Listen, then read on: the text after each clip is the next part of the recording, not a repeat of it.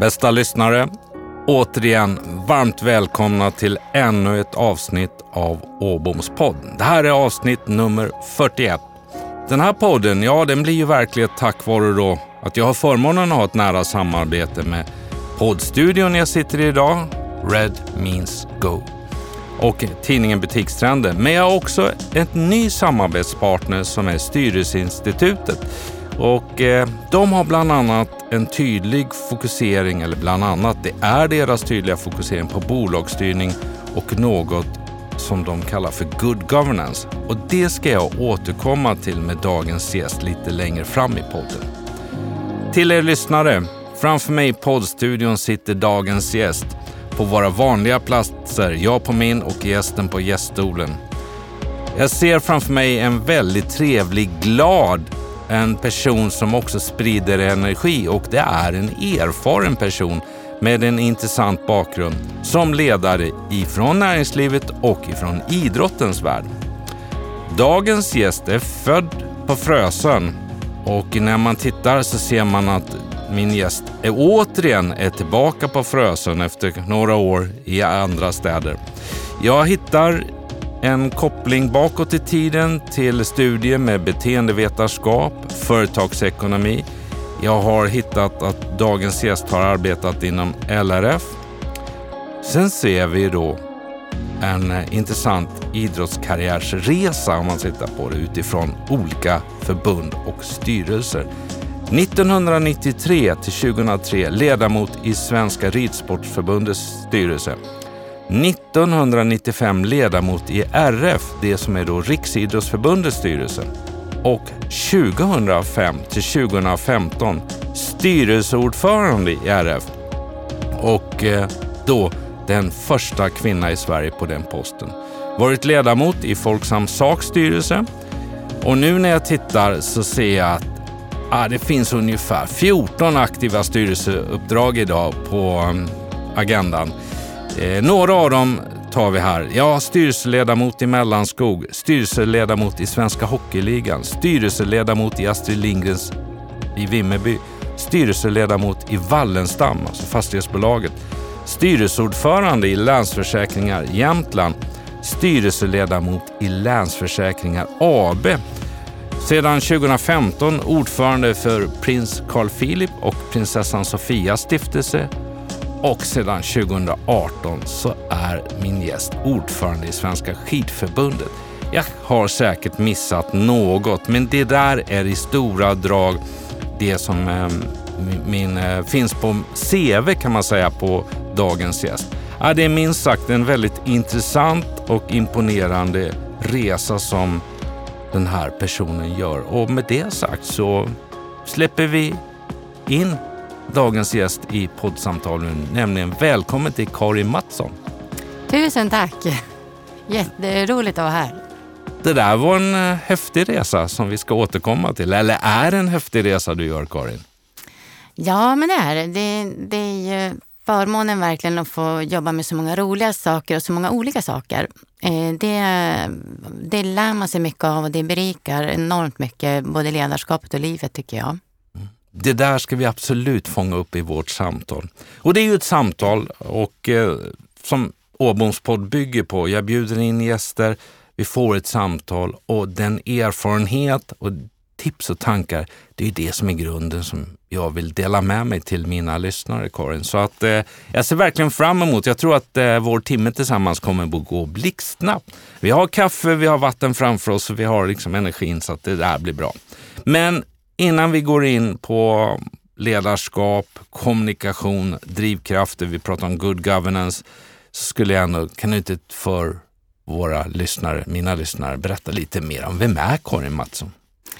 Ja, du har fångat det där bra tycker jag. Jag är ju född och uppvuxen på Frösön. Eh, bodde eh, ungefär 20 år i Stockholm och i Sörmland och sen så flyttade jag tillbaka hem 2017. Eh, och jag är nog väldigt mycket en både och person. Eh, jag tycker Stockholm är fantastiskt. Jag trivs jättebra i Sörmland. Men jag vill bo på Frösön och i Jämtland. Eh, och jag tror att man ser det där mycket i mina uppdrag också, att det är inte antingen eller utan det är väldigt mycket både och. Eh, och jag är väldigt road av att få hålla på med olika saker. Ibland så beskriver folk det som kanske det där verkar ofokuserat och så, men det tycker inte jag. Mm.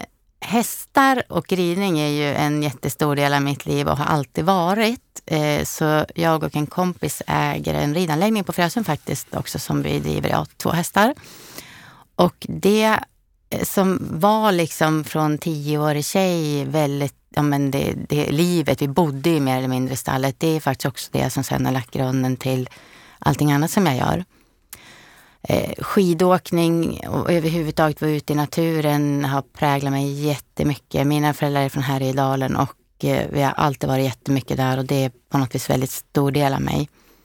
Eh, så att jag, jag är nog en ganska, ganska vanlig person som försöker att liksom leva ett liv där jag känner att jag eh, eh, eh inte har liksom ett jobb som är någonting vid sidan om utan att jag ja, jag vill ha harmoni och balans i livet och göra sånt jag tycker är kul och där jag tycker att jag kan bidra. Och, för, och, och försöker verkligen liksom känna att det, det ska vara så. Du har tävlat på lokal nivå med hästar. Du började i unga år, sa du? Ja, och lo, verkligen lokal och regional. Jag har inga meriter.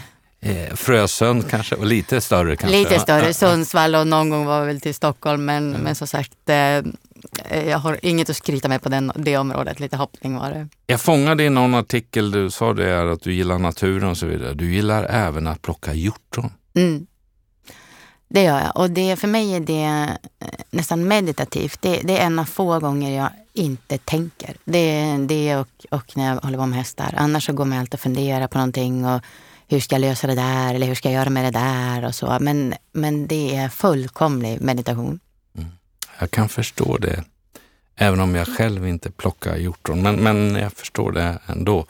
Jag måste ta en inledande fråga, för när vi, podden kommer ut i november här, vårt samtal, och då är det ju vintertime, ordförande i Svenska skidförbundet. Och när man tänker Svenska skidförbundet, är det bara de här som åker på längden?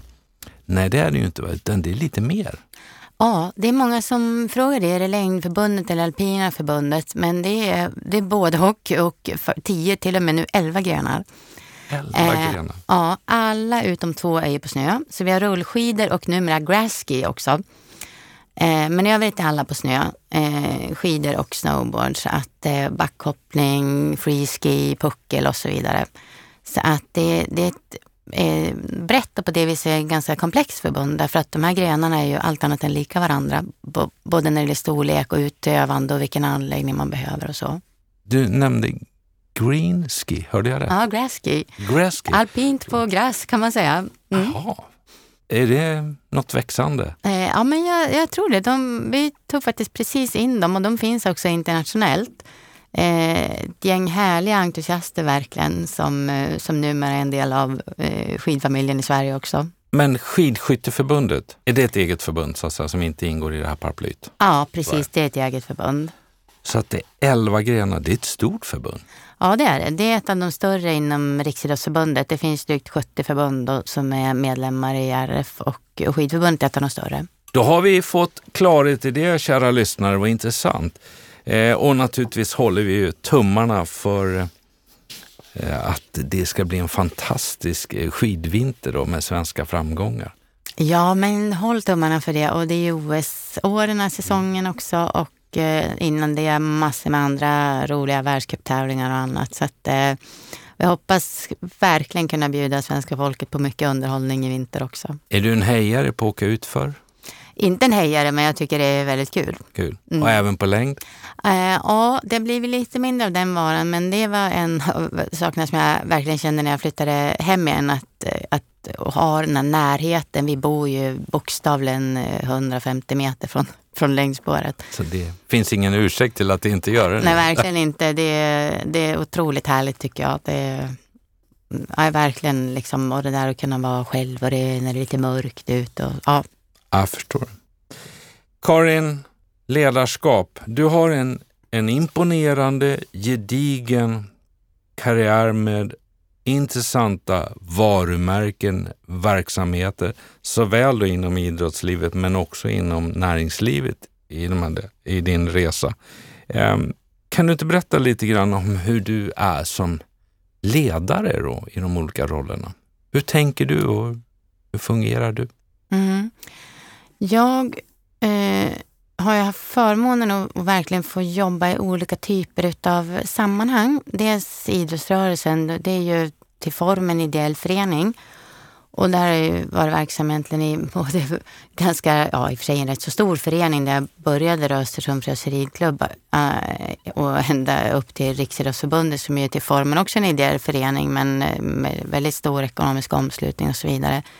Stiftelse som du nämnde, bland annat prins Carl Philip och prinsessan Sofia stiftelse, ömsesidig försäkringsbolag kundägt, eh, Mellanskog är en ekonomisk förening, Wallenstam är ett börsnoterat företag. Eh, och tidigare faktiskt också varit styrelseledamot i Mittuniversitetet för att ge några exempel. Och de aktiebolag jag varit det är också familjeägda och det, det finns en väldig variant. Och det där har ju lärt mig otroligt mycket om Å ena sidan så när vi leder människor så är vi ju, vi människor är ju lika lika eller lika olika oavsett sammanhang. Men formen kan vara lite annorlunda. Man, man fattar beslut på lite olika sätt, man mäter resultat på lite olika sätt. Och jag tror att just det här har format mig väldigt mycket att få, få liksom förhålla mig till lite olika sammanhang. Och en annan sak, när jag Eh, precis innan jag blev ordförande i Riksidrottsförbundet 2005. Det var för, för sig av en ganska ordentlig maktkamp som utspelade sig offentligt. Men då fick jag, jag var ju vid den tidpunkten, ja, ung och ung, jag var 33, man kan diskutera om det är ung. Men det är klart för en sån roll var det ju sensationellt ungt. Och eh, faktiskt, om man ska vara helt ärlig, var jag relativt oprövad då som ordförande. Och det är klart att det var ganska mycket funderingar på vad, vad det här för liksom, vad hon att komma med. Och då fick jag den här frågan var liksom, vad skulle göra mig till en bra RF-ordförande på någon presskonferens. Och då sa jag att, ja, men, jag sa lite olika saker, men bland annat så att jag är väldigt intresserad av människor. Och det där raljerades jag om av någon en idag verksam sportkrönikör. Okay. Hur man kunde säga någonting så fånigt när man skulle ha en sån här roll. Det, var ju bedrövligt liksom vad det här var.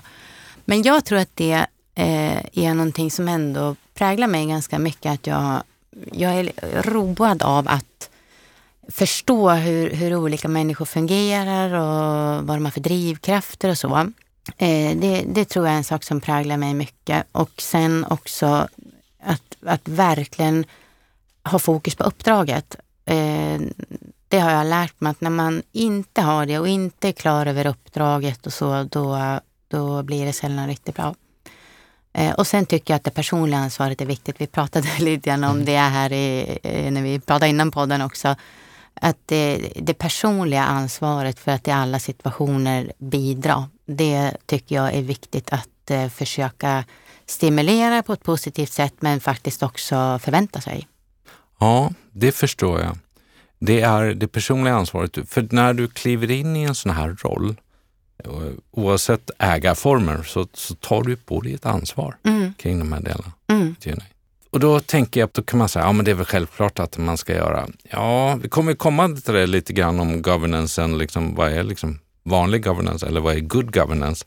Eh, men Karin, vad är det som ändå har gjort din resa från eh, Frösön, från, om jag nu får använda uttrycket då, hästtjejen från när du började vid tio år, till den karriären och där du, som du då sa, ja men det är börsbolag, det är ekonomiska föreningar, det är idrottsrörelsen.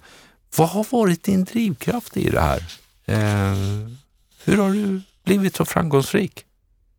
Ja, det, om man ska liksom backa till hur det började så skulle jag säga, jag kommer inte från en familj där mina föräldrar har varit idrottsledare eller jätteaktiva där, utan jag, jag började rida när jag var tio år.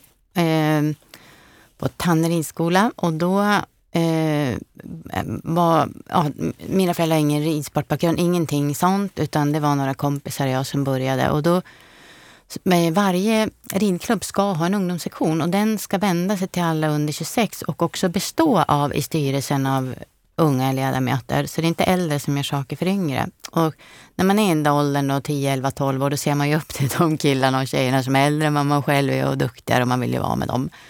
Och då fanns ju den här ungdomssektionen och när jag var, jag tror 12, så kom jag och några kompisar med i styrelsen för den där. Och då gjorde vi alla de här roliga sakerna som ja, vi hade drömt om. Då. Man eh, organiserar ju Lucia-shower och massa sådär. Och eh, vi hade också styrelsemöten med ordförande, sekreterare, kassör, årsmöte, representant i föreningsstyrelsen och så. Och det där tänkte aldrig vi på. Jag har ju fått ofta frågan om jag karriärplanerat och så vidare. Men det, vi, vi liksom bara hamnade i det, för det var så man gjorde. Och på den tiden var ridsporten väldigt förfördelad när det gäller kommunala stöd och så vidare. Och man kan ha mycket synpunkter på det, men det hade den fördelen också att man var tvungen att ta vara på alla ledarkrafter. Vi var ju bokstavligen små tjejer. Men vi behövdes också, för man behövde använda alla. Och jag lärde mig ju jättemycket på den, alltså av den resan. Men några saker som jag liksom verkligen bär med mig än idag och som driver mig att ge tillbaka också. Det ena var ju det här att den här känslan av att det går att påverka. Tycker man att något är tråkigt, händer ingenting, samla upp några kompisar och gör det. Och sen var det också det där att vi, vi gjorde skillnad. Vi var små tjejer, men det spelar roll att vi kom när vi hade gjort ett åtagande, vi skulle ansvara för något på en tävling eller vad nu det var. Och det, om man ska ge någon liten utblick idag så tror jag att det är lite för många både barn och ungdomar, men kanske till och med vuxna som inte kan, känner riktigt där att man spelar roll och gör skillnad. Men det fick vi med oss. Och eh, sen det tredje är nog det där att jag, jag fick jag har ju fått jättemycket frågor idag om hur jag var kvinna i de här rollerna, var det första kvinna, många och sådär. Men du vet, vi fick ju aldrig lära oss att det där var något problem, att vi var unga och tjejer. Därför att det, man kunde inte kosta på sig att inte använda eh, liksom vår, vår eh, tid och vår kraft och det vi ville göra utifrån vad vi kunde. Så jag fick aldrig lära mig att det var ett problem. Men jag, har ju, jag ser ju idag, än idag tyvärr, att det är det på, på många håll. Men det där fick jag med mig och jag är otroligt tacksam för det, för det har präglat hela min mentalitet. Jag tror att den sattes då och hemifrån av mina fantastiska föräldrar som liksom aldrig har eh, haft några eh, förutfattade meningar om hur man ska vara eller så. Jag var ganska blyg när jag var liten och eh, det gör ju också att det är väldigt tydligt att det här med ledarskap är ju en träningsfråga. Om man får träna tidigt, för det fick ju vi att göra, då, då kan man utvecklas väldigt långt. Så det här har präglat mig eh, väldigt mycket och sen har nog det ena gett det andra, men jag, jag kan inte nog uttrycka tacksamhet för den tiden. Och idag då, några år senare? Med eh, de uppdragen du sitter i idag? För de är lite annorlunda än ridklubben och mm. rid, ungdomssektionen eh, i eh, Östersundstrakten. Va, va, vad är drivet idag? Vad är det som gör att du har så många uppdrag och olika och vad vill du skapa? Ja, det så är ju en drivkraft är ju att såklart liksom sån, jag ska ju vara intresserad och tycka att det är roligt, men jag ska också känna att jag kan ge någonting. För ibland kan man tycka att saker är kul, men man, man känner kanske inte att man kan bidra så hemskt mycket. Och sen tycker jag om, eh, jag, jag har ett, ett stort samhällsintresse också och det är ju väldigt mycket sedan min idrottstid. Men, men de branscher jag är aktiv i har ju en stor eh, också betydelse för samhället. Om man tar bostäder, att ha någonstans att bo, mm. försäkring och bank. Om man inte kan, kan eh, man kan inte ta risk på samma sätt, eh, i alla fall inte de flesta av oss, om man inte har möjlighet att försäkra sig och låna pengar. Det är ju fullständigt fundamentalt smörjmedel. Idrott tycker jag är jätteviktigt. Hälsa och glädje och allt. Skogen, en basresurs och så vidare. Så, att, eh, så det är nog en drivkraft att jobba med sånt som jag tycker verkligen är viktigt på riktigt. Eh, tycker jag. Och sen eh, eh, ja, att, att liksom överhuvudtaget få vara med och vårda sånt som är bra men också hjälpa till och bidra till att utveckla det till någonting som är beständigt eh, framåt. Sen är jag road av lite eh, komplexitet. Jag tycker att det är kul att, att leda eller vara med och verka i komplexa miljöer där det där det är mycket hänsyn att ta. Man kan ju bli otroligt frustrerad på det ibland, men jag, jag tycker att det är kul. Det, tri, liksom, det tvingar mig att vara med på bettet och så. Men det kan väl inte ha varit så komplext att vara ordförande för Riksidrottsförbundet med några få eh, specialförbund och få alla att tycka lika, eller hur Karin? Nej, nej, nej, det är hur rätt som helst. ja. Nej, jag kan förstå att vi gillar komplexitet för att, och, och hitta lösningar kring det här. Och för att förstå lite grann mer den resa du har gjort på de där. Jag kontaktade en person som eh, har sett ditt arbete och så be, bad jag den personen beskriva dig. Är du beredd? Mm. Mm. Så, så sa personen så här, hon är en lagledare av Guds nåde. Jag bygger ett lag där alla är med. Intressant. Två.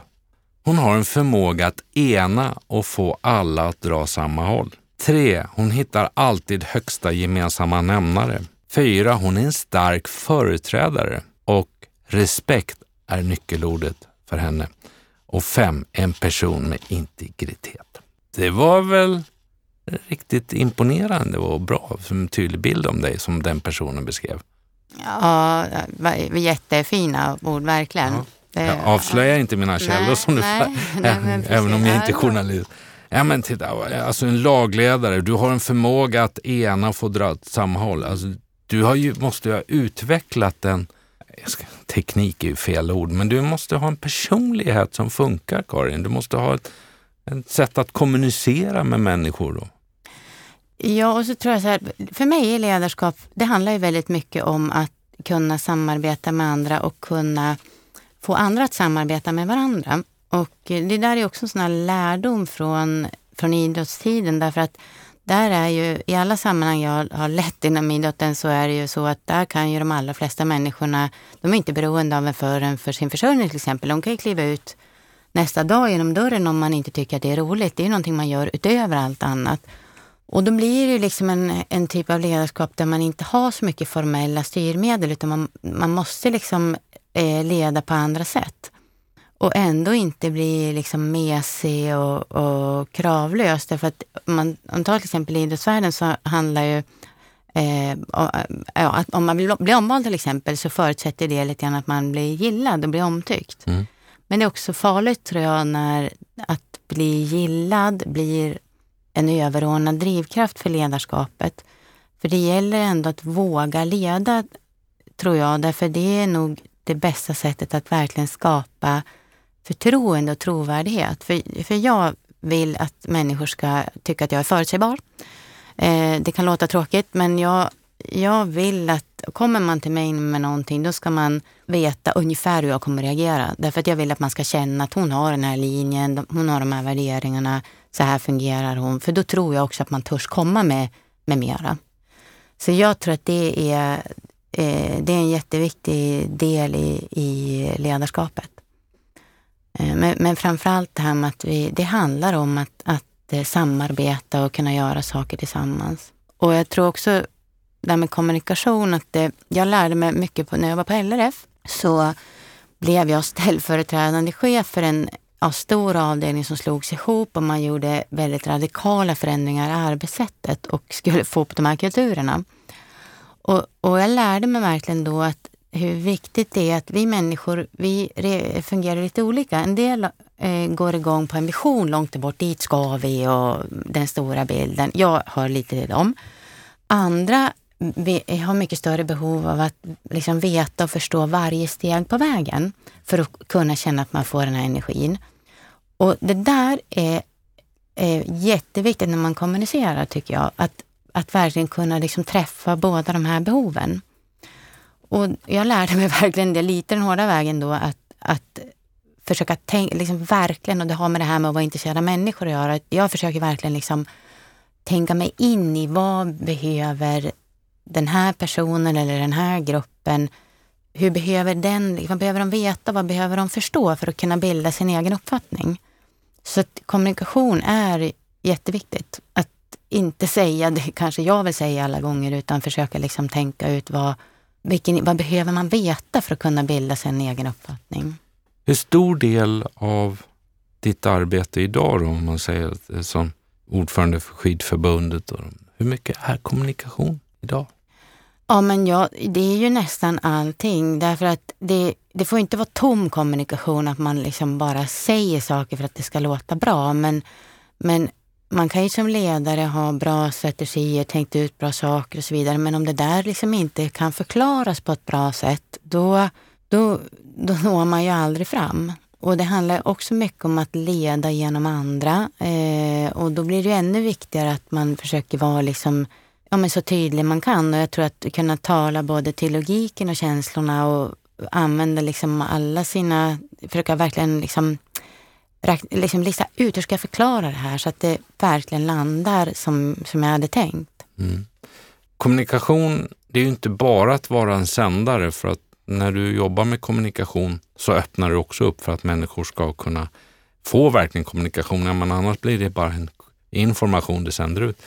Um, hur tänker du där i de olika rollerna? Det är klart att sitter du i, i ehm, börsbolaget Wallenstam så jag menar, då finns det en kommunikationspresschef och så vidare sköter de delarna. Men det är klart i styrelsen ut och så har det är ju liksom en operativ och vd som sköter det i organisationen. Men, så det skiljer sig lite grann. Men, men ändå tänker jag på just skidförbund, för det är också väldigt publikt. Även om Wallenstam är ett publikt bolag så är mm. ju rollen i, i skidförbundet är ju publikt utifrån media och mm. du nämnde någon journalist, sportjournalist och så vidare. De, eller hur? Visst är det så? Ja, precis. Men om man tar det rent allmänt liksom, så, eh, när det gäller kommunikation så, så eh, det är precis som du säger, man, det är inte bara att sända ut utan det är också hur fångar jag upp information vad som händer.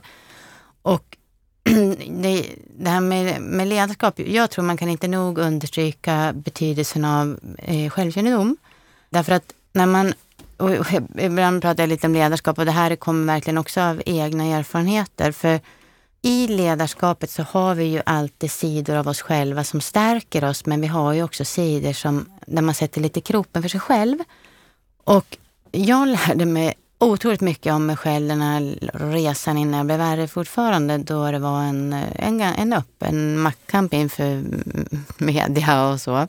Jag kommer ihåg den. Ja, och det var för mig som var väldigt, jag hade väl varit med i någon, en del intervjuer, verkligen styrka medårsintervjuer, hur trevligt det var med en ung kvinna.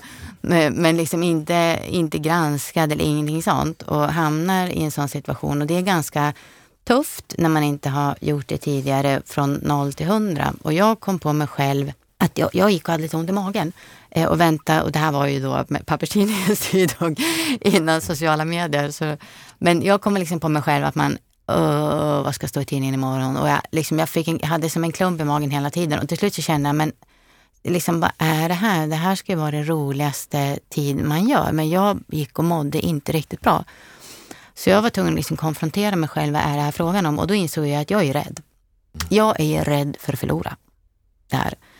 Och jag förstod ju ganska snabbt att det här är ingen bra situation att vara i därför att eh, det, förr eller senare kommer jag att eh, liksom vara så mycket i rädslan att jag säger eller gör någonting som inte kommer att bli bra.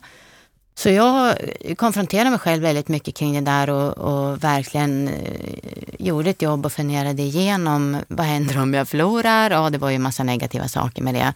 Men det fanns ju också bra saker. Jag är ju kvar min familj och mina vänner. Jag kommer inte att dö. Jag, jag, jag har ju mer tid att rida och sådär. Och vad händer om jag vinner? Och till slut lyckas jag neutralisera den där rädslan. Och då bestämde jag mig också för att jag ska aldrig låta mig provoceras ur balans i något sammanhang. Utan jag ska liksom klara av att hålla mig till det jag vill stå för. Och hade jag inte gjort det där hade jag aldrig klarat av det. Jag hade, eh, jag hade inte blivit här fortfarande, för jag hade, jag hade gjort bort mig. Och vad vill jag säga med det här? Jo, jag tror att, att liksom fundera igenom vad är mina styrkor som ledare? Svagheterna, de har vi ganska bra koll på. Men vad är mina rädslor och hur uppträder jag när jag blir rädd? Eh, hur reagerar jag? En del blir arg, en del ställer sig passningsskugga och så vidare. Och jag tror att att liksom få koll på det här. För att som ledare, man, ens känslor är ju ens bästa informationskanal. Jag är en känslig person. Jag funderade jättemycket på det då när jag tog det här klivet ut i offentligheten. Att jag är en känslig person och jag vill fortsätta vara det. Jag vill aldrig bli eh, teflon och jag vill aldrig bli sån här som inget fastnar på. Men man kan ju inte heller bli, man, kan, man måste ju också hitta ett filter. Och framförallt aldrig börja reagera känslomässigt. Därför det är man börjar reagera känslomässigt, det är då man går bort sig som ledare.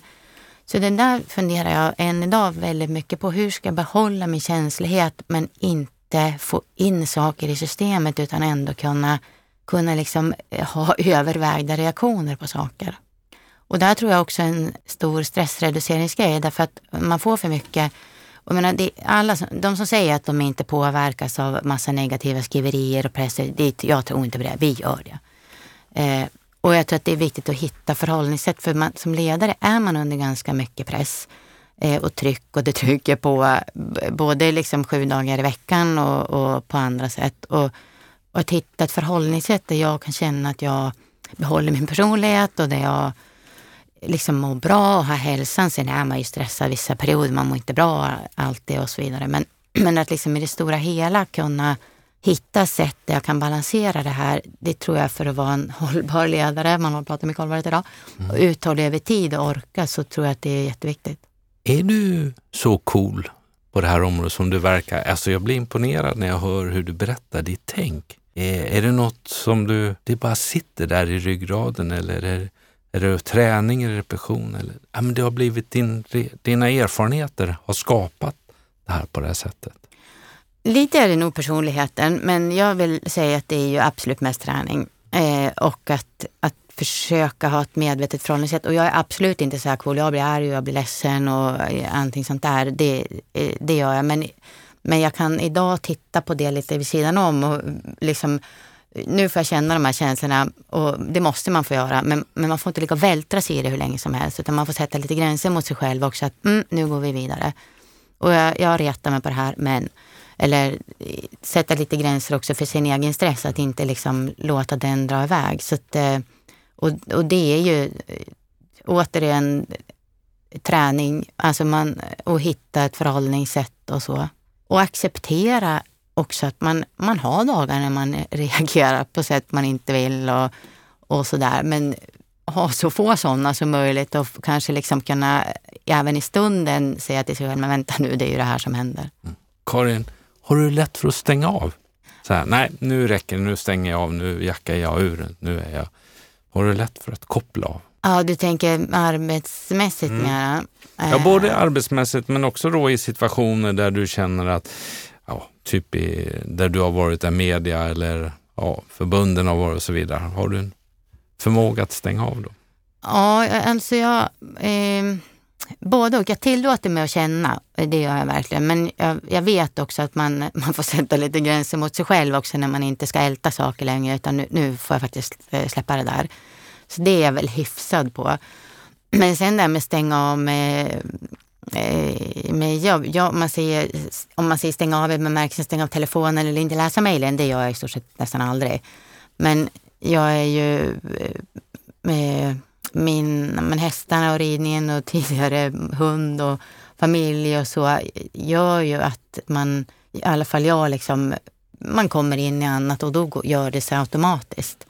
För det, det eller plocka hjortron meditativt. Nej, men alltså, jag, det, det, för mig är det viktigt att ha saker där jag känner att jag automatiskt går så upp i något annat så att jag inte liksom tänker för mycket. För jag, jag är ganska, jag har lätt att hålla på att tänka på saker. Jag tycker det är både roligt och ibland är det väldigt irriterande egenskap att, man, att jag går och funderar på grejer. Men, men det här att få, jag tror att man behöver liksom vad nu än det är, ut och springa eller vad än det är. Liksom, titta på film för de som gör det och så. Du lyssnar på Åboms podd. Åboms podd är producerad i nära samarbete med Butikstrender, Styrelseinstitutet och Red Means Go. Om vi tänker oss då en vecka i ditt liv där du har varit i Falun, ni har haft styrelsemöte. Eh, nu säger vi under normala förhållanden, pandemin inte finns då, så är det ett fysiskt styrelsemöte i Falun för skidförbundet. Ehm, det är ett möte Eh, länsförsäkringens styrelsemöte, det är Göteborgs styrelsemöte, det är några möten i Stockholm. Så kommer du hem till Frösön på fredag, eh, flygkärran eller så vidare landar 17, 18, ja vad vet jag. Och så går den. Hur kopplar du av? Hur ser en fredag ut? Hur laddar du tillbaka energi? Ja, jag är ju en lite hemmakatt. Jag tycker det är jättehärligt att ja, vara hemma som den här årstiden. Då, ja, men vi tänder brasa och bara gör lite mat och sådär. Jag är lite, eh, till min natur, även om ingen tror det, lite åt introverta hållet. Och, eh, I bemärkelsen att jag laddar ju energi. Jag behöver vara lite själv, eller själv, men eh, hemma med min, min sambo eller så. Att, att inte nödvändigtvis liksom göra saker. Eh, det tycker jag också är jättekul. Men jag, jag har ett behov av att vara för mig själv, eh, att det inte händer så mycket och, och kunna liksom eh, ja, låta saker ramla på plats. Och det, jag försöker bejaka det behovet. Att, eh, för jag, jag mår, eh, det är mitt sätt att typ sätta skrivbordet, att det, saker får liksom falla till på plats. Så jag har inte sådär, eh, och sen ja, men, om man nu har en ledig helg, ja men rida, det behöver inte vara så mycket. Träffa någon kompis eller jag har ju den här högtraven böcker som jag vill så gärna läsa men det kommer inte alltid riktigt till skott. Nej, ja, det har jag också ska jag säga, mm. Um, och det blir liksom när man, säga, sitter man som du och jag i, i, i styrelse för försäkringsbolag så läser man ju en del andra. Det är rätt mycket man ska läsa och vara påläst och det är prov och, och så, som ska skickas in eller och så vidare. Men din resa, uh, vi har tänker på att den också innehåller, jag hör det, den innehåller en hel del värderingar i ditt ledarskap.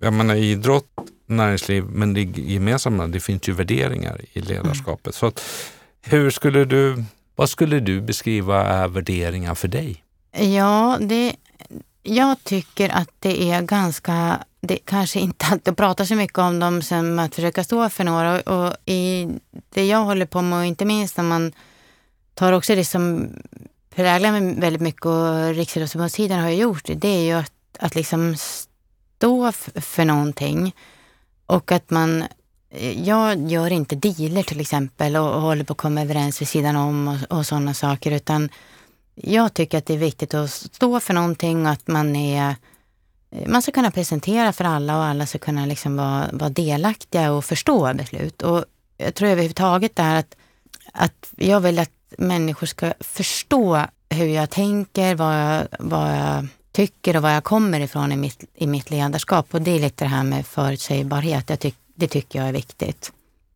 Eh, och sen tycker jag att en viktig värdering är personligt ansvar. Att man, får, man ska ha möjligheter att eh, kunna få vara med, vara delaktig, säga vad man tycker och allting. Men man ska också ta ett ansvar för det. Det är aldrig liksom bara ledarens eller ordförandens uppgift att se till att man, eh, man eh, får möjlighet att komma fram. Man har faktiskt också ett eget ansvar. Det, för mig är det en viktig värdering. Eh, och jag, jag, gick en, eh, jag fick möjligheten att gå, det här var 2001 så det är 20 år sedan, men en, the, the Human Element, det var ja, mycket personlig utveckling och sen kunde man bli certifierad processledare i det. Och då var jag i San Francisco och jag var ensam svensk och det handlar väldigt mycket om ja, men att jobba med självkännedom och lära känna sig själv och sådär. Men då var det en, en av kursledarna, han sa, det var inte till mig, det var till en annan som, person som ja, ifrågasatte ganska mycket. Och då sa han så här, it's not my responsibility to take care of your self-esteem.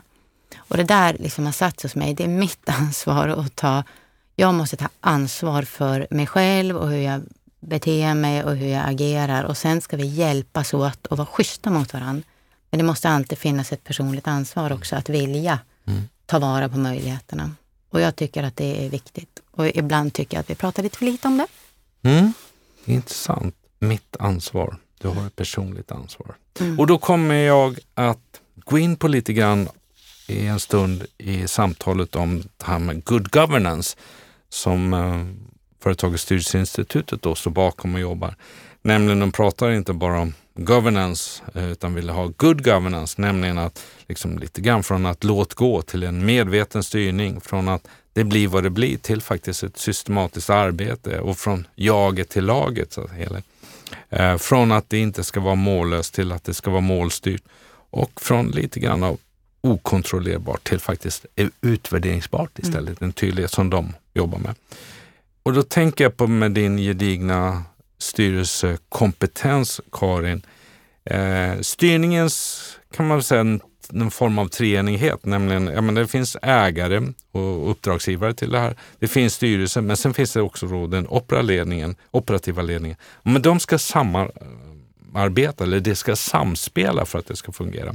Vilka är dina erfarenheter eh, för att göra det här samspelet så att det blir på riktigt? Jag tycker att den där frågan är otroligt bra och jag har bra erfarenheter av det och jag har mindre bra erfarenheter av när det inte fungerar så bra. Och det, eh, en, eh, en kedja är ju som bekant aldrig starkare än sin svagaste länk. Och därför är det viktigt att det här är, eh, är, starka länkar men att de också hänger ihop. Och då, jag tror ju ändå en del i det är ju naturligtvis eh, att man har en bra struktur. Eh, det tror jag är en viktig del. Och en annan viktig del är ju att varje enskild del är klar över, över hur sitt uppdrag ser ut och hur, eller sin roll i hela uppdraget ser ut. Och hur man får det där att hänga ihop. Det, det tycker jag är superviktigt. Och eh, jag har ju eh, mestadels väldigt bra erfarenheter av samverkan så, men jag har ju också varit med om ja, valberedningar som har liksom mer eller mindre sagt att du ska inte tro att du ska bestämma vilka som ska sitta i styrelsen. Och det har jag, handlar ju aldrig om det, utan det handlar om att man måste liksom hjälpa varandra och se vad är, vad är behoven, vilken kompetens finns, vad saknas, vilken typ av personlighet är det kanske som krävs eh, och så. Och jag har också erfarenhet av ett, eh, ett sammanhang, ett bolag som var ja, där vi som styrelse faktiskt, eh, vill jag säga, räddade det från konkurs. Eh, och det krävde ganska mycket. Det var inte bara en ekonomisk fråga utan det handlade mycket om styrningsfrågor och mm. annat. Och det är inte... Eh, det var mycket värre än vad jag trodde när jag gick in i det. Och det där är ju inte... Det kräver ju ganska jobbiga beslut och man blir ju inte populär överallt. Nej, Men då måste man hålla ihop. Och där var det faktiskt ägarna som ju var de vi verkligen eh, hjälpte som i slutändan eh, inte liksom riktigt stod upp, tycker jag. Så att eh, då lärde jag mig att man kan aldrig vara mer angelägen än vad ägarna själva är. Och även på RF-tiden pratar vi mycket om det. Man, man, kan inte vara mer angelägen än, än medlemmarna är. Vi, vi måste ha, hitta den här angelägenheten tillsammans. Annars så håller det inte i längden. Om du är styrelseordförande, vilket du är i vissa delar, i vissa uppdrag, men om vi lämnar dem och bara säger att ja, men som ordförande då, för att skapa good governance-tänket med, med en medveten styrning och så vidare. Vad skulle du säga är de tre viktigaste uppdragen eller tre viktigaste action för en ordförande? Jag återkommer nog till det här med att det är, eh, det låter få, liksom kanske lite tråkigt, men det är så otroligt viktigt att alla förstår uppdraget och att man är lojal mot uppdraget och att man verkligen liksom är beredd att eh, läsa på, förstå och så vidare. Och så måste man också vilja hitta lösningar och komma överens. Och det måste vara en angelägenhet för alla att bidra och, och liksom hitta, hitta vägar framåt i det. Och sen är det det här med, med en struktur. För att, att ha en bra struktur och en bra ordning för saker, det frigör kreativitet och det skapar flexibilitet. Jag få saker som läcker så mycket energi som när det är oreda och inte struktur och inte ordning och så. Mm. Det, jag tycker det är klart underskattat. Men att alla förstår uppdraget och alla förstår rollen, det, det är ett smörjmedel i maskineriet. Det, ja. det går liksom inte att runda det på något sätt utan där måste man se till att det funkar. Ja, det läcker för mycket energi och det blir fokus på fel saker annars och då kan det bli onödigt gnissel och så. Så det, det låter lite banalt men eh, jag tycker det är underskattat. Ser du att, eh, som i det här fallet till exempel då Styrelseinstitutet, deras ambitioner med good governance, alltså att det finns ett behov av att tydliggöra vikten av det här, för att ta fram de rätta förutsättningarna för att skapa en mer tydlig styrningsmodell för styrelser i Sverige idag? Eh, ja, och framförallt så det, det är ju all, liksom, det är alltid bra med en teoretisk utgångspunkt eh, och sen måste ju varje styrelse liksom hitta sin, eh, vad, vad, är vårt i det här? Hur ser faktiskt våran verklighet ut? Eh, så jag tror att, att ha det som en bra teoretisk modell som man sen kan resonera utifrån, för det är ju alltid det samtalet som sen ändå blir det som är viktigt. Det tror jag är, är väldigt viktigt. Och sen är ju behoven naturligtvis väldigt olika på olika håll. Eh, och då tror jag om man ska ändå någon idrottsmetafor måste man kanske få ta. Men det är ju det här med att eh, man måste ha ett, ett grundspel som fungerar. En grundridning som fungerar, en grundträning, en spelidé som fungerar, som man kan falla tillbaka på. Och då är jag tillbaka lite på det här med struktur. Att, att eh, när saker krånglar till sig eller stökar, då tittar man tillbaka. Men vänta nu, hur ser vårt grundspel ut? Vad är det vi är överens om? Hur, hur ser de olika eh, delarna i det här ut?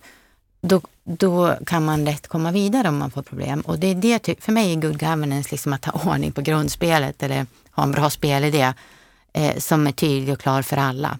Och har man det kan man också eh, freebasa lite. Men det kräver en, en eh, känd spelidé som accepterar av alla. Ser du skillnad om vi jämför näringslivet och idrottslivet i de här frågorna?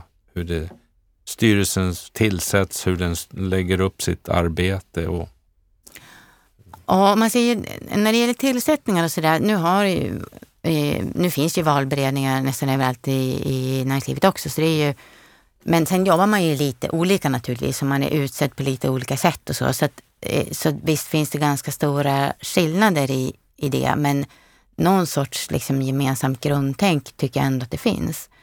Eh, och sen är det klart att det är ju, man kommer till styrningsfrågor så man fattar ju beslut på lite olika sätt. Eh, där det är mer medlemsdemokrati naturligtvis i föreningsvärlden. Mm. Och sen mäter man ju resultat på olika sätt också. Men de skillnaderna tycker jag var större för 15 år sedan än vad de är idag. För att eh, Eh, det, är ju, det sägs lite slarvigt liksom att om en eh, näringsliv är det enda man, man är intresserad av att göra en vinst. Men det där stämmer ju inte. Det är klart att det ekonomiska resultatet är väldigt viktigt. Men idag har ju varenda företag så många andra mått också där man tittar på helt andra saker. Så att jag skulle nog säga att det är skillnaderna blir mindre och mindre tycker jag. Men visst är det skillnader? Det finns, liksom där, där vi driver våra verksamheter, en, ja, men det, det är liksom en, en ekonomisk förenings eh, stämma eller en bolagsstämma i ett bolag. Du har styrelse och ledningen. Och där finns liksom en, en tågordning då i bestämmanderätt och ansvar och, och delegering och så vidare. Eh, sen den senaste tiden så har det liksom visat sig en tendens till då lite grann mer av statlig och EU-styrning av i första hand företag. Eh, där vi har liksom lite grann den nordiska modellen och sen en europeiska. Ser du, har det här en, eh, det här en, en viktig fråga inför framtiden tror du i att styra och leda verksamheter kopplat till hur ansvaret fördelas eller vem får ta det, staten eller den som faktiskt äger eller driver verksamheten? Ja, jag tycker att det här är en viktig fråga och jag tycker att man måste tänka just på modellnivå. Därför att vi ser ju i olika sammanhang från EU att man vill in och styra, eh, detaljstyra mer och mer. Och här kan man bara önska att vår svenska regering verkligen står upp mot det. Därför att om man har en modell, om man tittar till exempel på ja, men svensk bolagsstyrning och hur den ser ut och så vidare, så innebär ju det att man kan inte gå in och ändra i en detalj. Eh, för då, då ruckar man ju på hela modellen och det tycker jag ibland att det, det liksom, det där synsättet måste man ha och jag tycker att, nu är det naturligtvis så för att jag är svensk och jag är uppfostrad i det här, men, men jag tycker att den här modellen, vi har inte styrelser normalt sett som, som är heltidsarbetande, tvärtom. Utan man har andra saker vid sidan av eh, och sen kanske ibland att en ordförande är heltidsarbetande eller deltid eller så. Och sen har man vd och så har man ledningen. Och det här är ju en maktdelning och det är ett sätt att balansera saker. Och det är klart att när det då kommer krav som, som ställer krav på styrelsen att, som nästan är omöjlig att uppfylla när man inte är eh, operativ, så, så blir det ju en obalans i modellen. Och det här tror jag vi skulle föra lite mer resonemang om. Därför att vi, vi har ett annat synsätt än, än eh, det finns på en del andra håll, om man är amerikansk och så vidare, som jag tycker vi ska vårda därför att det hänger ihop med vår kultur i övrigt i samhället. Och eh, det finns ingen anledning, som jag kan se, i alla fall inte jag har fått eh, någon har lyckats förklara för mig eller jag har inte lyckats förstå, vad det är som gör att man ska in och peta i, i sådana saker från, från EU-håll. Och vi ser ju när det gäller försäkringsbranschen, där både du och jag är aktiv, så är det klart att där där ställs det stora krav på styrelsen på någonting som man ändå kan säga börjar angränsa till att vi skulle vara nästan operativa. Mm. Och det har väl delvis sina förklaringar såklart, men jag tror att man ska vara lite observant på det här. Därför vi har en modell med en maktdelning och en rollfördelning som har, har fungerat väldigt, väldigt väl under lång tid och som jag inte tror är på något vis sämre rustad för den komplexitet och de utmaningar vi ser idag. Det du var inne på tidigare också prata om det personliga ansvaret. Ja, det kan vi väl verkligen eh, skriva under med, med fet stil, Karin, att i försäkrings där vi är engagerade då, två olika bolag. Jag menar, där, där finns det ingen val. Du måste ta ett personligt ansvar. Du måste, och det är som du säger, mm. det tenderar ju till att du ska nästan vara operativ för att förstå. Det är så komplexa processer. Så visst är det, hänger det här ihop, både med det personliga ansvaret men också en utmaning utifrån mm. kopplat till den svenska modellen, nordiska modellen mm. kontra då eh, det EU eller andra länder har mm. jobbat med. Mm. Lyssnare till Åboms podd är en härlig blandning om jag får säga så. Unga som äldre, olika länder, eh, naturligtvis mest i Sverige men ändå. Och eh, det finns personer som eh, lyssnar på det som, vill ha, som är nära bekanta till mig. Eh, men det finns ju sådana som har hört av sig som jag aldrig har träffat innan. Och så här. Härligt! Yngre ledare, och jag har sagt det här så många gånger i podden, men jag vet själv eftersom jag kommer ifrån en familj där inte företagandet eller ledarskap, alltså det fanns inte det här karriärstänk på det sättet. Och har gjort min resa då kring det, så tänker jag på, tänk om jag hade vetat det, det eller fått tips tidigare. Och jag rekommenderar alla yngre att skaffa sig en mentor tidigt för att få hjälp och ha den här bollplanken, någon som lyssnar. Men med din gedigna resa och du är ju liksom mitt i karriären med alla de här uppdragen. Vad skulle du kunna skicka med vid dagens samtal till de som är på väg att ta ett steg och som inte har den här gedigna erfarenhet som du har? Vad mm. skulle du tipsa om dem? Eller till dem? Mm. Ja, men det gärna. Jag eh, tycker också att det är väldigt roligt om man kan liksom bidra. Mm. Och eftersom jag är, verkligen brinner för att det ska finnas bra ledamöter i styrelsen, men också på andra ledarnivåer. Och jag eh, hör ibland, och det här gäller väl kanske inte bara yngre, men eh, framförallt, och inte minst ibland när man lyssnar på råd till framförallt unga kvinnor så, eh, så är de lite av arten att ja, du ska ställa frågor, du ska ställa mycket frågor, du ska ställa kritiska frågor och så vidare. Ja, eh, men det är bara en del. Eh, man, kan, man ska man kan aldrig vara den som bara ställer frågorna i en styrelse. Man måste också vara den som är med och bidrar med lösningarna. Eh, så det där är, eh, ibland tycker jag att det, det är inte riktigt eh, schysst att bara ge den typen av råd, utan man måste också alltid vara den som är med och bidrar med lösningarna. Och då, eh, och, och ibland hör man också det här att ja, det ska in och röras om med grytan och så vidare. Nej, det, det, är, det är ett teamjobb i en styrelse. Man ska hjälpas åt med sina olika perspektiv. Och det andra rådet är ju just det där att man ska aldrig liksom vara rädd för att ha, se saker från ett annat håll. Det är ju därför man är med. Att dela med sig av det och, och, och på temat ställa frågor då, så ska man aldrig vara rädd att fråga om man inte förstår. Därför att det är min erfarenhet att det är förlösande att ställa en fråga, för det är väldigt sällan man är ensam om att inte, inte förstå. Så det tycker jag är en viktig del. Och en annan är, och jag, jag nämnde det tidigare också i samtalet, att jag, jag har varit frågan mycket med karriärplanerat, hur jag har tänkt och så. Och när man har, har en roll, om det är styrelseledamot, så är, jag kan inte nog understryka hur viktigt det är att man är nöjd med den rollen och vill göra den så bra man bara kan. Eh, och inte hela tiden ha sikte på en annan position. Och med det menar inte jag att man inte ska ha ambitioner. Men, men det får, fokus måste alltid vara på att vilja göra ett riktigt bra jobb i den roll jag har. För då kommer alltid de andra rollerna. Då, då blir det nya utmaningar och nya steg och så. Men inte gå in i någonting för att man bara har det som ett avstamp till, till nästa. För det blir aldrig bra. Ja. Vilja göra jobbet där man är. Kavla upp ärmarna och göra det bra. Jag har haft flera gäster i podden som är kloka som säger just den. Mm. Alltså var nöjd där du är nu. Gör det, var fokus riktigt bra. Ha inte fokus där borta, även om du ska, kan ha en vision och en önskan. Mm. Men det är här du ska vara. Det handlar om att göra jobbet där man är och vara road av det. Då kommer alltid möjligheterna. Men att bara leta positioner, det, det, är inte bra för någon. Det är inte bra för personen själv, det blir inte bra för styrelsearbetet, det blir inte bra för, för någon annan heller. Jag hittade ett äh, litet citat på ett ställe, eller ett citat där du beskriver och kopplat till hur du, du tänker. Det, och det fångas väl i vårt samtal och där också de här tipsen. Och du har varit inne på det. En god självkännedom är viktig i alla ledarroller. Att kunna bottna och hämta kraften ur sig själv. Det gäller att verkligen förstå uppdrag och sammanhang och tycka om uppdraget, vilket du precis sa. Ledarskap och kommunikation kan inte separeras. Det hör ihop. Hur duktig är Karin Mattsson på att kommunicera, tänker jag. Då?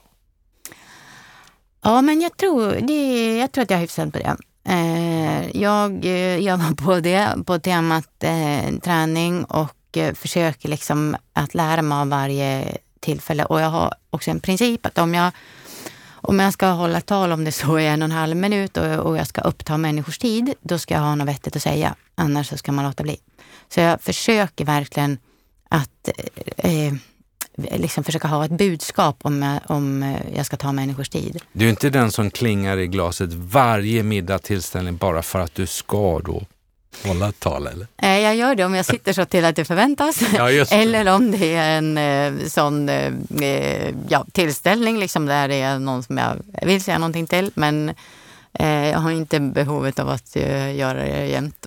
Karin, jag har ju förmånen att få sitta live och det ska ni veta lyssnare. Det är en härlig känsla att få sitta i poddstudion med Karin. Eh, hon är fokuserad eh, och man ser det varvas mellan eh, skarpa ögon till varma ögon till, liksom, beroende på vad vi pratar om och så här. En härlig atmosfär. Och då kommer jag att tänka på, vi övriga då som sitter hemma, typ när det är idrottsskala, så här, vi har ju sett dig då i de sammanhangen eh, eller när det är skid-VM och så vidare.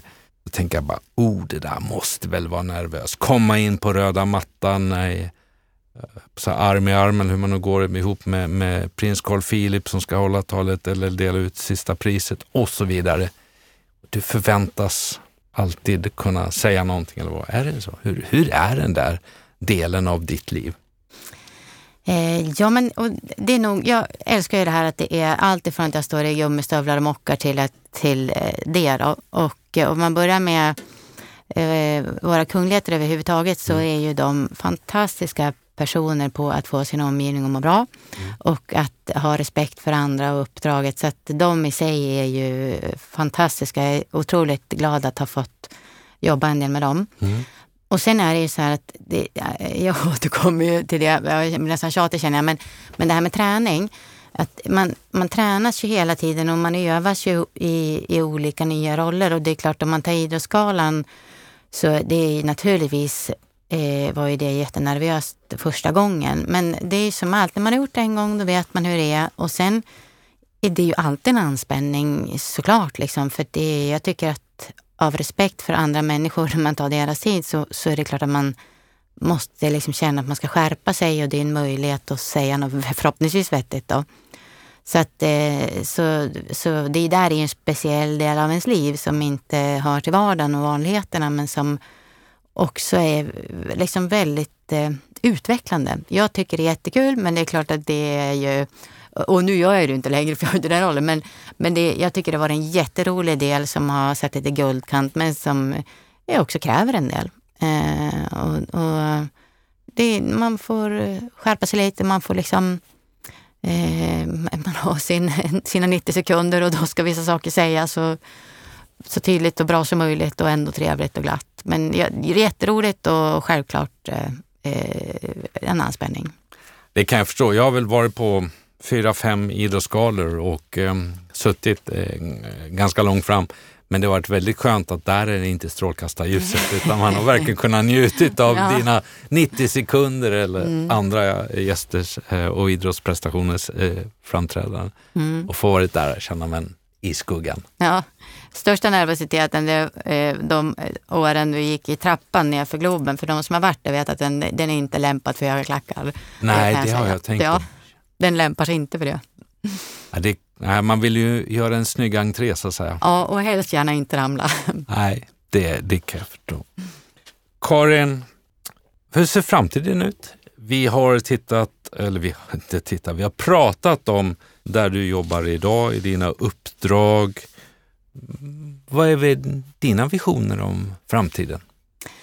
Får man ställa en sån fråga här Ja, i podden? Ja, men det får man. Ja, eh, det är ju, jag vill ju, jag tycker att jag är på en jättebra plats i livet. Jag trivs, ja, jag trivs så himla bra med, med balansen, och, vilket inte innebär att det inte är för mycket ibland, men, eh, men hur jag liksom kombinerar och bo i den miljö jag gör och rida och träna och roliga uppdrag och familjen nära och kunna kombinera och både vara hemma och i Stockholm, Göteborg och så vidare. Så det, eh, och det jag vill framåt det är, jag vill fortsätta på den här linjen. Jag hoppas att jag eh, kommer att liksom kunna åstadkomma resultat tillsammans med dem jag jobbar med i alla mina uppdrag. Eh, och eh, alltid den dagen jag ska lämna, för den dagen kommer ju lämna ifrån mig någonting som har utvecklats och blivit bättre än det var innan.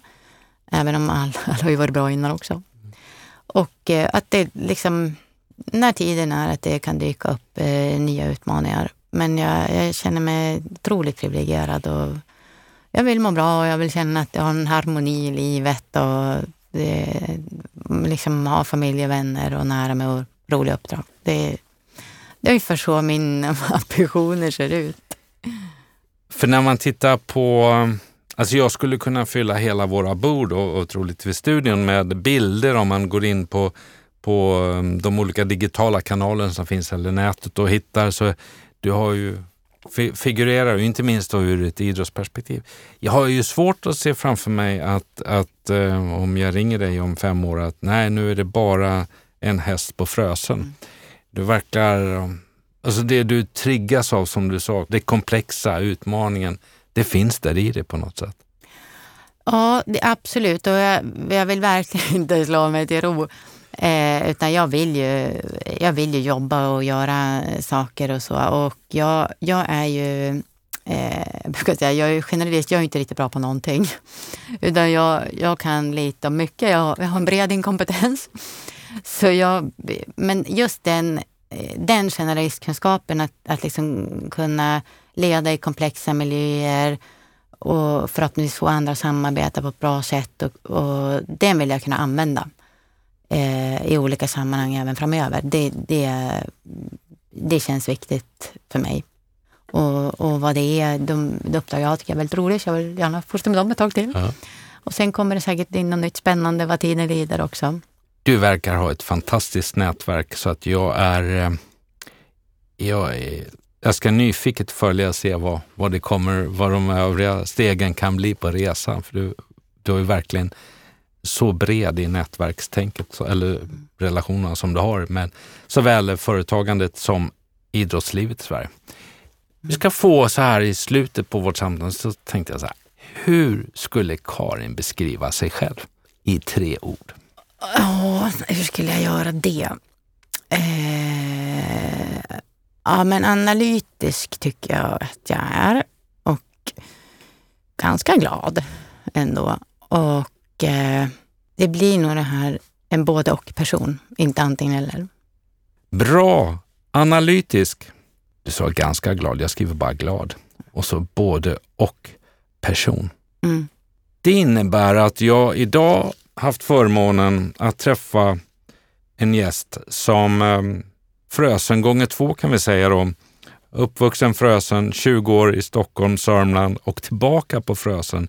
En person som gillar hästar, funnits med sedan tidiga ungdomsår, älskar naturen, skidor, som var lite blyg som liten. Det kan jag säga att dagens gäst har jobbat bort, inte minst när man förstår att hon går på röda mattan då på Idrottsgalan och så vidare i den publiciteten eller i det rampljuset. En person som har en gedigen erfarenhet från idrott respektive näringslivet. Som dessutom har en gedigen erfarenhet av ärlig, olika ägarstrukturer. Allt från börsbolag då till ideella föreningar, till familjebolag, till eh, den strukturerna som finns där.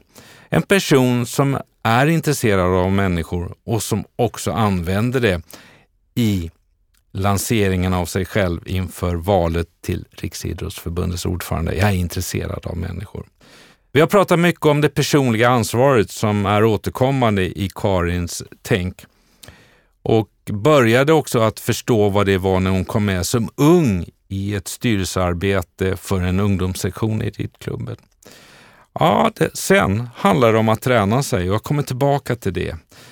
Men vi ser här att det är en person som är intresserad när vi pratar om ledarskapet, en person som vill bidra, en person som har ett stort samhällsintresse och som vill verkligen få viktigt på riktigt. För det är en drivkraft att det ska finnas med. Och sen så utmanas och troligtvis triggas Karin lite grann av att det är komplext, vissa frågor och gillar att gå och fundera på lösningar. Också viktigt naturligtvis att vardagen, ledarskapet, uppdragen att finna ut det här är roligt att göra. Karins ledarskap handlar också om för de hon har i sin omgivning att den ska vara lite förutsägbar. Nämligen för att de ska förstå hur Karin fungerar och det skapar också en trygghet för hennes omgivning. Kommunikation finns där. Hon är kommunikativ, jobbat mycket med kommunikation, jobbat mycket också med självkännedom. För när vi sätter det i perspektivet ledarskapet så pratar vi om att det man ofta gör är att man sätter krokben för sig själv. Och den hemläxan gjorde Karin bland annat då när hon som 33 år ung skulle gå in och kandidera till RF, nämligen den här magkänslan och då visade sig vara rädd att förlora.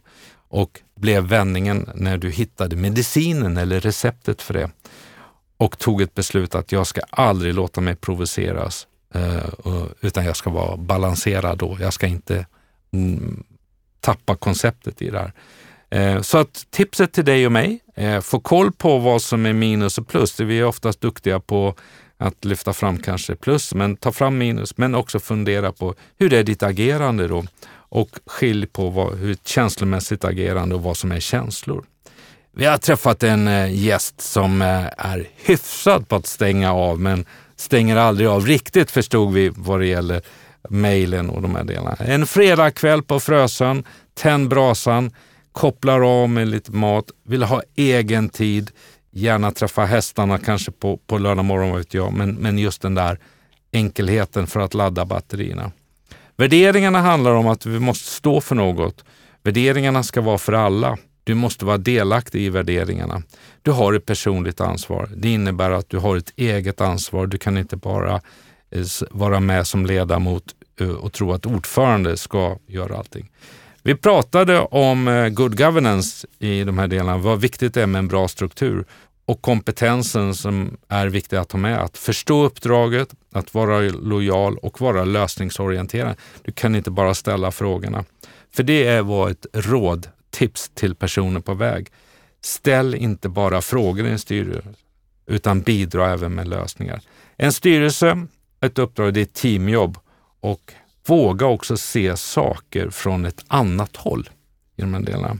Var med, var nöjd med din nuvarande roll, var en tydlig rekommendation. Jobba på, det är inte fel att ha vision, det ska du ha, men se till att leverera där du har uppdraget just nu, så kommer det att lösa sig. Och för att fixa allt det här så pratar vi om träning, alltså inte den fysiska träningen, men hela karriären handlar egentligen om att träna för att förbereda sig. Det har jag fångat från vårt samtal i Åboms podd idag. Kändes det okej, okay, min summering, Karin? Ja, verkligen. Jag är imponerad över att du har lyckats göra detta samtidigt som vi pratade. Ja, ja tack. Det tycker jag. Det har varit jätteroligt att få träffa dig så här eh, i en härlig poddstudio och sitta ner och höra dina tankar. Jag har ju sett dig på håll, jag har, jag har träffats en gång innan i ett sammanhang, men Sen har man sett dig i de här större sammanhangen. Och att få sitta ner och höra dina tankar. Jag är jättetacksam, ödmjukt väldigt glad för att du tackade ja på inbjudan att vara gäst i podden, Karin. Ja, det är jag som ska tacka. Det kändes väldigt lyxigt att få sitta någon timme en förmiddag här och, och prata om sådana här saker som ligger mig varmt om hjärtat men som inte man alltid pratar så mycket om. Och nyttigt att få de här frågorna också. Liksom få tänka till på sånt som inte jag kanske alltid formulerar mig runt. Mm. Så att, eh, jag har lärt mig mycket också av dig, så jättetrevligt. Ja, med det sagt så, ja, tiden går fort. En bit över en timme har det blivit. Jag tror en och tio. Vi rullar på. Men du ser, ett intressant samtal. Eh, Karin, jag önskar dig allt gott. Lycka till med dina uppdrag som du har nu, kommande uppdrag, din resa. Var rädd om dig och som sagt var jättestort tack för att jag fick förmånen att bjuda mina lyssnare på ett sådant samtal med Karin Mattsson som gäst. Ja, än en, en gång tusen tack. Jättekul att vara med.